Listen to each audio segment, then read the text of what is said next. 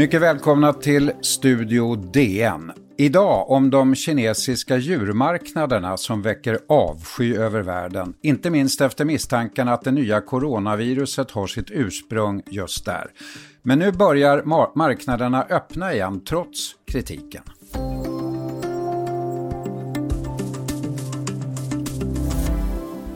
World Health Organization says an animal is probably the source of this new virus, and this now closed seafood market is probably ground zero. Wuhan in China now Ja, det är ju en marknad i den kinesiska staden Wuhan som har stått i centrum för uppmärksamheten efter utbrottet av covid-19. Det såldes fisk där, men också vilda djur som ormar och mårdhundar. Omvärldens kritik gjorde att många marknader stängdes men nu börjar de alltså gradvis öppna igen och frågan är hur det kan vara möjligt. DNs Asien-korrespondent Marianne Björklund följer det här. Hallå Marianne! Hej! Nyligen eh, krävde USAs utrikesminister Pompeo att marknaderna skulle stängas på obestämd tid. Men allra först Marianne, hur säkert är det egentligen att eh, det nya coronaviruset kommer just från djurmarknaderna? Eh, det är inte helt eh, fastlagt, men det är ju den teori som de flesta tror på, att det ska ha kommit till, via den här, en fiskmarknad i Wuhan som sålde vilda djur och att det via fladdermöss till andra vilda djur ska ha då smittat människor. Men sen finns det ju en, en del andra teorier, till exempel att det skulle varit ett laboratorium i Wuhan som forskar på just coronavirus och hade fladdermöss i sin forskning, att det ska ha möjligen kommit därifrån. Många avfärdar det som konspirationsteorier och det är ju framförallt från amerikanskt håll som den teorin har kommit eh, från Pompeo, USAs utrikesminister och USA har sagt att man ska utreda det här. Men många forskare avfärdar som sagt det här som konspiration och de allra flesta verkar tro att det kommer från den här vilda marknaden, marknaden i Wuhan.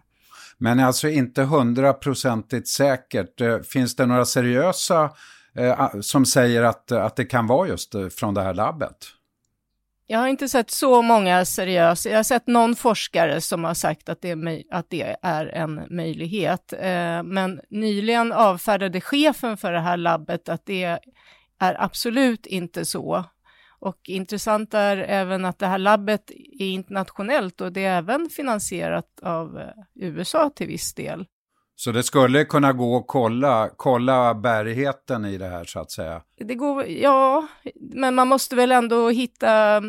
De har ju inte fastställt exakt var det kommer ifrån, viruset, men som sagt, den mest rådande teorin är att det kommer från djurmarknaden i Wuhan. Och det, Marianne, det är ju miljöer som inte har någon jämförelse till exempel här i Sverige och det känns som någonting från förfluten tid. Beskriv hur det kan se ut på de här marknaderna. Ja, det kan ju vara väldigt trångt. Det, man blandar försäljning av grönsaker, frukt och eh, kött, men också ibland levande djur. Det kan vara höns, det kan vara grisar. Eh, och sen på vissa marknader, det är verkligen inte de flesta, så finns det även vilda djur eh, och det är framförallt i vissa regioner i Kina, ska jag säga också, som det förekommer vilda djur, framförallt i södra Kina som det är vanligt, eller vanligt vet jag inte heller om det, men det är framförallt där de marknaderna finns. Ja, jag har faktiskt själv varit på en sån marknad i sjöfartsstaden Guangzhou i södra Kina, tidigare då känt som Kanton. Och det var, det var verkligen en omtumlande upplevelse, trångt och brutalt och, och djur som dödades rakt av in, inför alla. Och det var sorter som man inte visste vad det var för någonting och det var insekter och larver, det var allting. Hur kan man beskriva Kinas inställning till djur, Marianne? Ja, det är ju kanske lite svårt att säga Kinas inställning. Det är ett land med över en miljard invånare, ja, så, ja, de, så de tycker förstås inte likadant allihopa. Eh, men det finns ju de som tycker att man ska utnyttja hela djuret eh, och då allt ifrån eh, ja, det vanliga som vi äter, men även penis och även mala ner benen till medicin som vissa gör. Det anses väldigt bra för hälsan. Eh, men sen finns det, och en del äter ju hund, vilket är, men det är ett fåtal skulle jag säga, kineser som äter hund och i Peking där jag bor så är, är nog de flesta väldigt mycket emot det. Det är ju väldigt populärt att ha hund som sällskapsdjur, precis som det är i Sverige. Blod och galla och sådär, det kan man också få. Ja, det kan man ju få. Det anses ju också bra för eh, hälsan. Till exempel om du äter en hjort så kan du använda blodet sen till att dricka. Det ska vara bra för viriliteten tror jag, bland annat. Det... Men vi ska väl betona att det, det, är alltså olika typer av, av marknader. Många är ju också mer normala. Ja, precis. Det blir lite virrig den här debatten ibland eh, när, när de säger vi ska stänga de här, eller Kina måste stänga marknaderna. En del är ju ungefär som en eh, som trevlig bondemarknad man besöker i Europa eller USA med färska produkter, färsk fisk, färskt kött, eh, inga konstigheter.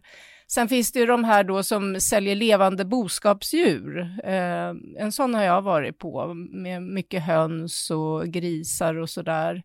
Och sen finns det ju de här som sagt som även har en avdelning för vilda djur.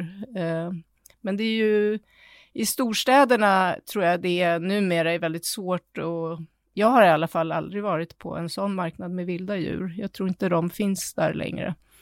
Och det här nu som du inledde med, att nu öppnar Kina upp marknaderna. Man har ju ett förbud. Det införde man ju efter att eh, virusspridningen började mot att sälja vilda djur på marknaderna och det säger man ju att man håller sig till än så länge. Och enligt de personer jag har pratat med så stämmer det. Nu är det här ett jättestort land så jag kan ju inte gå i god för att det stämmer helt och hållet. Det är ju möjligt att det förekommer i alla fall någonstans. Mm. När vi kommer tillbaka, Marianne, så ska vi tala lite mer om fladdermössen och om kinesiska traditioner.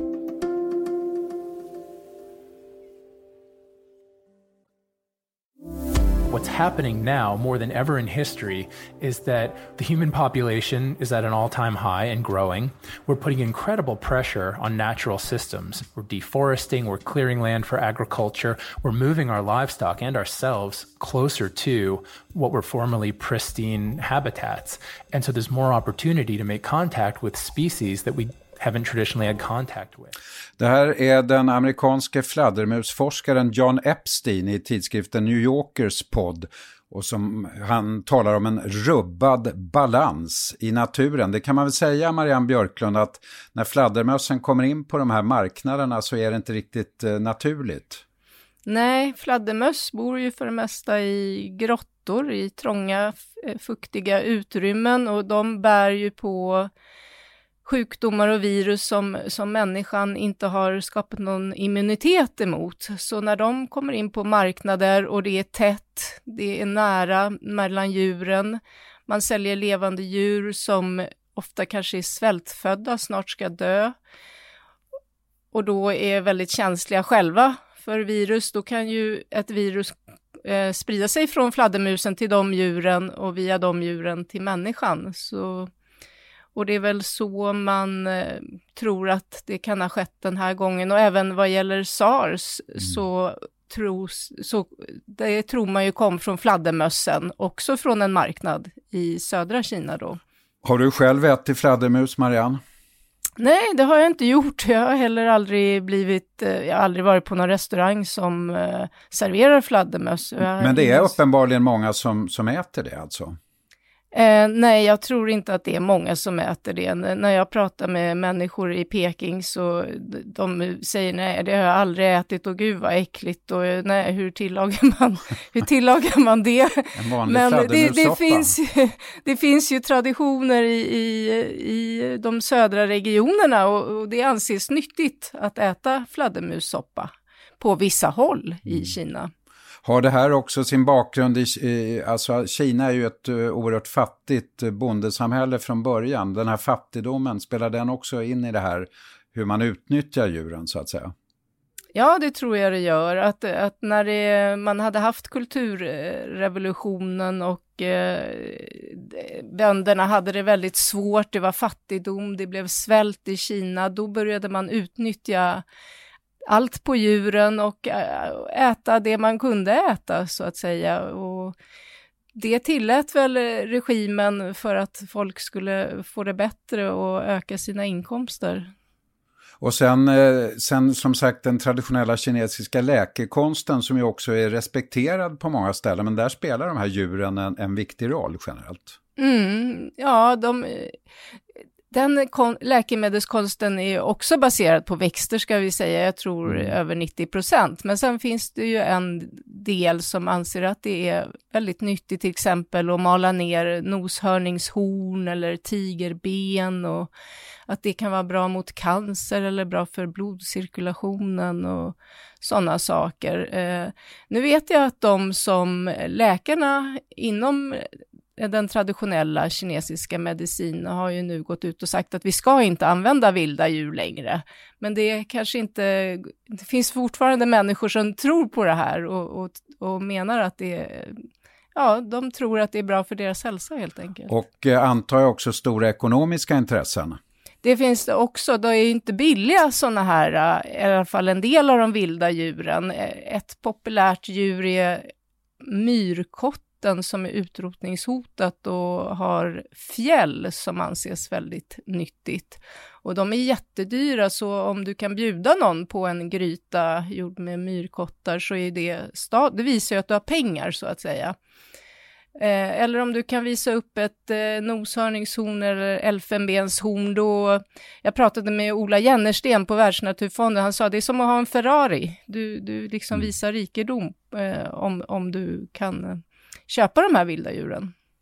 Det är uppenbart att det finns eh, olika uppfattningar naturligtvis, som du mycket riktigt påpekar, i Kina om de här marknaderna. Men vad säger då regimen eh, när alla kritiserar det här? Bryr sig regimen om kritiken? Ja, det tror jag. Och jag tror framförallt inte man igen vill, vill vara det land som pekas ut som det som sprider ett virus som påverkar hela världen. Och man har ju nu gått ut och sagt att det är ett förbud mot försäljning av vilda djur. Men man har gjort undantag för eh, djur som används för traditionell kinesisk medicin, så det finns ju en gråzon där. Eh, och sen så tror jag man är väldigt rädd nu för de ekonomiska effekter som det här viruset kommer att få.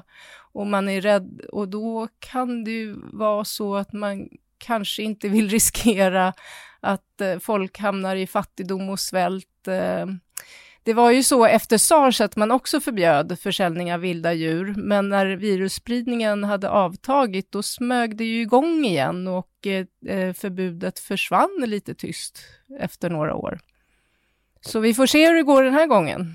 Och vi får se hur det går med landet, hur landet öppnar upp. Hur ser det ut för dig själv som korre nu då? När kan du återvända?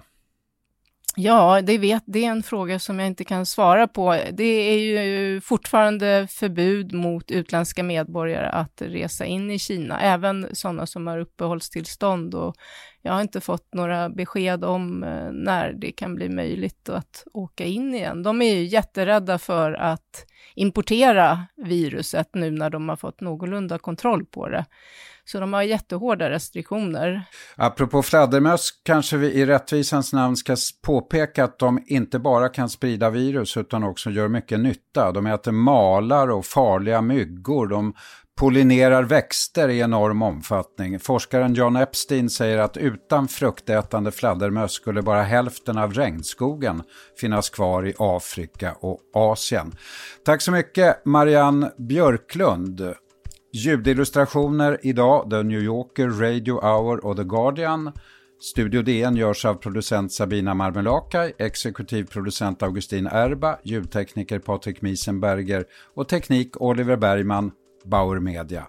Jag heter Lasse Bengtsson, vi hörs.